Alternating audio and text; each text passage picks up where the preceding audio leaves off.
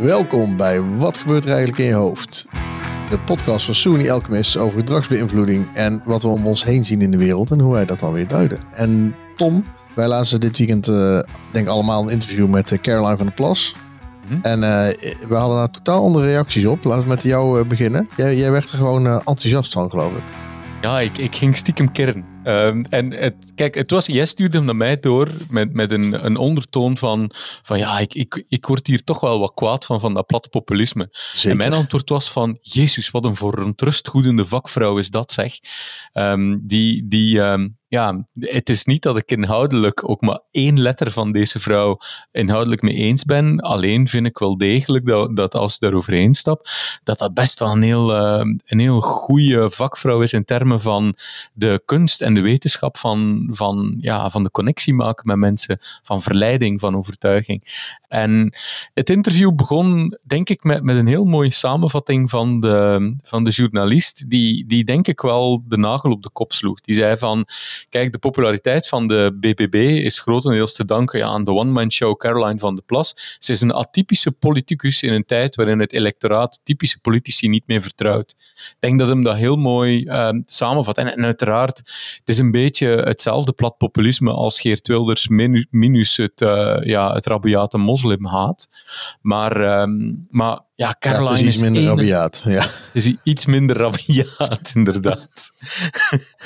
Je, je, je voelt dan alles dat wat je er ook naartoe gooit tegen het mens, dat ze altijd wel um, eigenlijk op een ander niveau antwoordt. Je gooit op het niveau van feiten, gooi je argumenten naar haar en ze antwoordt altijd op het niveau van de emotie. En ze, ik, ik noem het zo'n goed geoliede verontwaardigingsmachine, waar amper zand tussen te krijgen is. Maar die intro van die journalist, hè, die kan dus echt altijd. Sinds dat de politiek bestaat, kun je al schrijven over iemand dat die opvalt doordat hij niet typisch politicus is. in een tijd waarin mensen niet zoveel op hebben met typische politici. Dat is zeg maar altijd. Dus dit is ook een beproefde methode.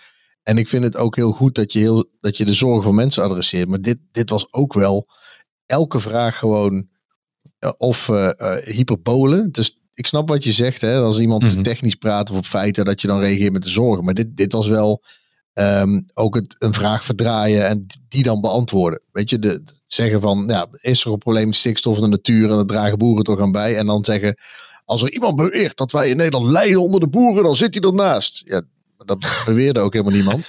dus ik vond het op een gegeven moment, ja, dat ik ook denk dat je dat één keer of twee keer een interview nodig hebt om mee weg te komen. Bedoel, hè, luisteraars, bespaar je de moeite. Er zijn vast voorbeelden te vinden dat ik het ook heb geflikt.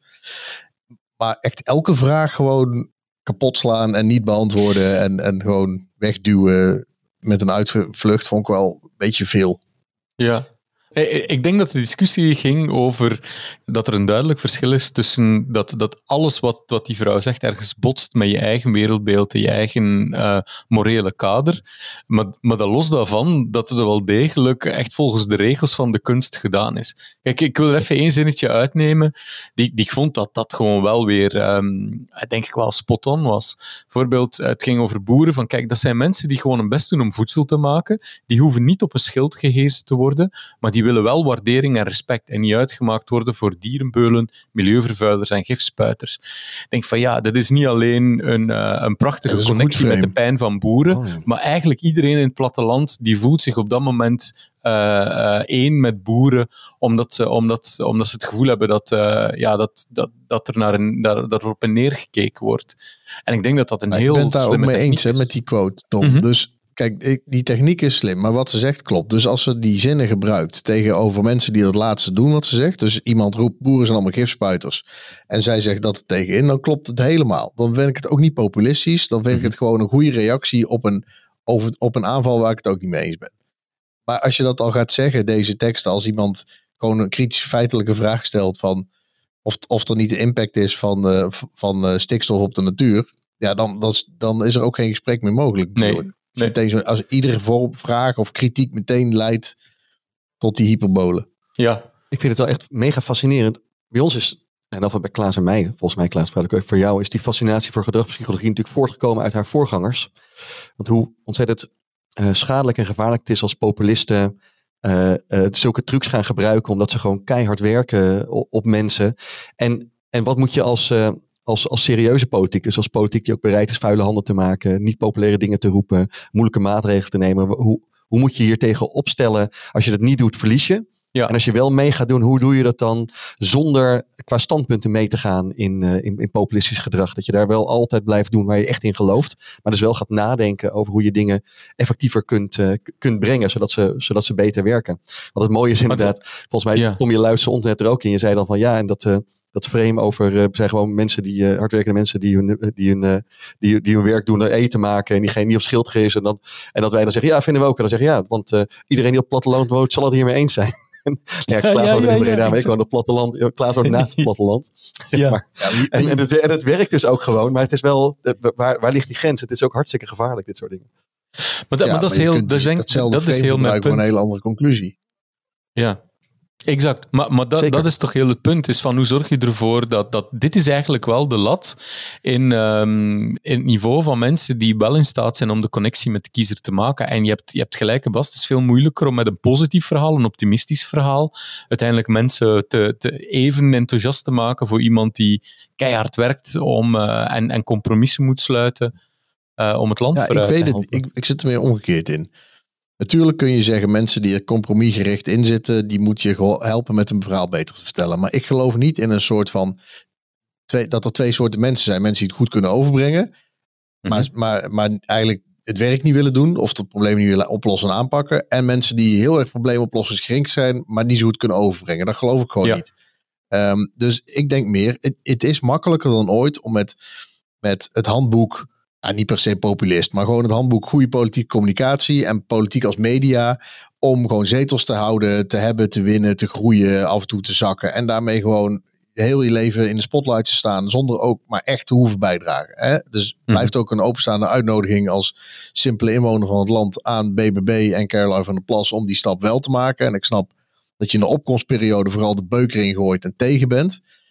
Maar op een gegeven moment moet er toch een ambitie zijn om met al die talenten en die connectie met mensen het ook voor die mensen op te lossen en beter te maken. En niet alleen, zoals jij zei, een verontwaardigingsmachine te zijn en ja. tussen de 25 zetels aan verontwaardiging aan je, aan je, te, aan je te plakken. Je moet er ook een keer denken, oké, nu ben ik zover, nu ga ik uh, meebouwen en risico's nemen en, en, en zoveel mogelijk van mijn idealen ook te verwezenlijken. Kijk, Trump heeft in die zin die is natuurlijk een meester in. Die heeft in die zin mazzel dat hij de verkiezingen verloren heeft. Hij kan nu gewoon weer vier jaar lang de verontwaardigingsmachine aan blijven houden en een tweede termijn winnen op verontwaardiging. Ehm, eh, dus in die zin is het slechtste wat een populist kan overkomen, is dat hij echt wint um, en aan de bak moet. En, en dat vind ik dan wel zorgwekkend. Ik denk dan, je kunt die connectie heel goed maken. Eh, ja, gaat het dan maar wat je dan net zei, wat, wat, je dan net zei, zeg je van de, het onderscheid die gemaakt wordt is, je hebt mensen die wel regeren, maar niet kunnen communiceren. Je hebt mensen die heel goed kunnen communiceren, maar eigenlijk geen verantwoordelijkheid pakken. Bestaan er ook wat, wat, is eigenlijk dan het DNA uh, van... Vroeger, en niet vroeger was niet alles beter. Maar als je, als je een land hebt met weinig partijen, dan gaan die mensen elkaar opzoeken en heb je een rolverdeling. En je ziet mhm. nu, omdat in media en social media het best wel makkelijk is voor de groep die die, niet, die vooral drijft en, en kikt en de succes haalt op het mediadeel, op het, op het oh ja, performance deel van de politiek, uh, dat je die ook heel makkelijk, zonder dat die in een grotere partij hoeft samenwerken met allemaal mensen die ook nog proberen compromissen te sluiten, um, uh, uh, gewoon genoeg zetels kunnen halen om te blijven bestaan en relevant te zijn. Het aantal zetels wat je haalt als partij bepaalt niet hoe, je, hoe vaak je in een talkshow zit. Mm -hmm. um, of uitgenodigd wordt. Dat, dat wordt bepaald door hoe mediageniek je bent. Dus die, die, die dempende mechanismen van nou ja, een deel van de partij brengt het naar buiten en een deel van de partij werkt vooral hard aan de inhoud. Ja, dat gaat, gaat dan verloren. Dus op het moment dat je vroeger een compromis had, dan moest je die mediagenieke mensen die dachten misschien, ja verdomme, moet ik compromis uitleggen, krijg ik een paar klappen. Maar dat deed je dan wel. En nu, nu lijkt het zo'n soort helemaal uit te splitsen naar een paar partijen die vooral mediageniek zijn en na de verkiezingen uh, een roes uitslapen en een zetel stellen en wachten op de volgende verkiezingen. En dat is wel, vind ik wel, een, een zorgwekkend effect. Omdat dan de afspraak die je hebt als inwoner van het land, van oké, politiek kan leuk zijn, het kan toneel zijn, er zijn allerlei dingen vinden van, maar ondertussen fixen ze ook de shit. Ja, die, Wordt, die staat dan op het spel. En dat spel wordt niet meer goed gespeeld. Nee, precies, omdat je door de versplintering mede. En denk ik ook doordat, uh, maar dat is, een, dat is dan een persoonlijke hobby, die mix hier even in Ik denk dat op die verontwaardigingsmachine, zo noemde je hem net toch, Tom? Mhm. Vind ik Ja. een mooie term. Nou, daar is niet iedereen gevoelig voor. Maar op het moment dat er meer mensen in een samenleving iets te verliezen hebben voor hun gevoel dan te winnen. En dat kan te maken hebben met dat je heel welvarend bent, zijn we. Kan te maken met dat je al wat ouder bent en vooral gericht bent op, op behoud. Nou, met de vergrijzing hebben, krijgen we dat ook steeds meer mensen die in die levensfase zitten. Dan wordt het wel zorgwekkend. Dan kan zo'n verontwaardigingsmachine veel meer zetels krijgen. Die vooral verandering willen tegenhouden. eh, omdat ze niet in die, hun directe voordeel zijn. En dan Ja. hoop je dat er inspirerend iemand opstaat die nou, de 50-plussers toekomstgericht eh, krijgt. Ja, niet heel lang voordat we het zelf ook zijn. Dus Ja, da- daar hadden we het rec- recent over, dat jij, dat jij ook zei van een beetje als een soort eh, de achterkant van deze medaille, is dat juist nog veel de grootste, uit- de, de grootste electorale uitdaging er nu in bestaat van hoe krijgen we die steeds conservatiever wordende 50 en 60-plussers alsnog enthousiast voor vooruitgang. ja, ik denk dat mensen niet per se eh conservatiever hoeven worden. Maar als er niet een, een beeld is waar jij van kunt denken: oké, de, de resultaten hiervan maak ik misschien niet mee. Maar mijn kinderen, kleinkinderen en de volgende generaties wel. eh, ehm, dan moet daar ook wel de discussie over gaan. Als het allemaal gaat over wat is de komende vier jaar in ons eigen belang. Als dat Ja. de focus is van, van de samenleving richting verkiezingen, ja, dan, dan kun je uittekenen wat, wat met deze bevolkingssamenstelling de effecten zijn. Namelijk? Nou, dat er dus heel conservatief gekeken wordt op, de, op korte termijn. Ja, En ehm, wat we te ik verliezen denk hebben. dat het echt wel. Kijk, al die mooie zinnen die je net had, hè, over boeren willen gewoon voor eten zorgen.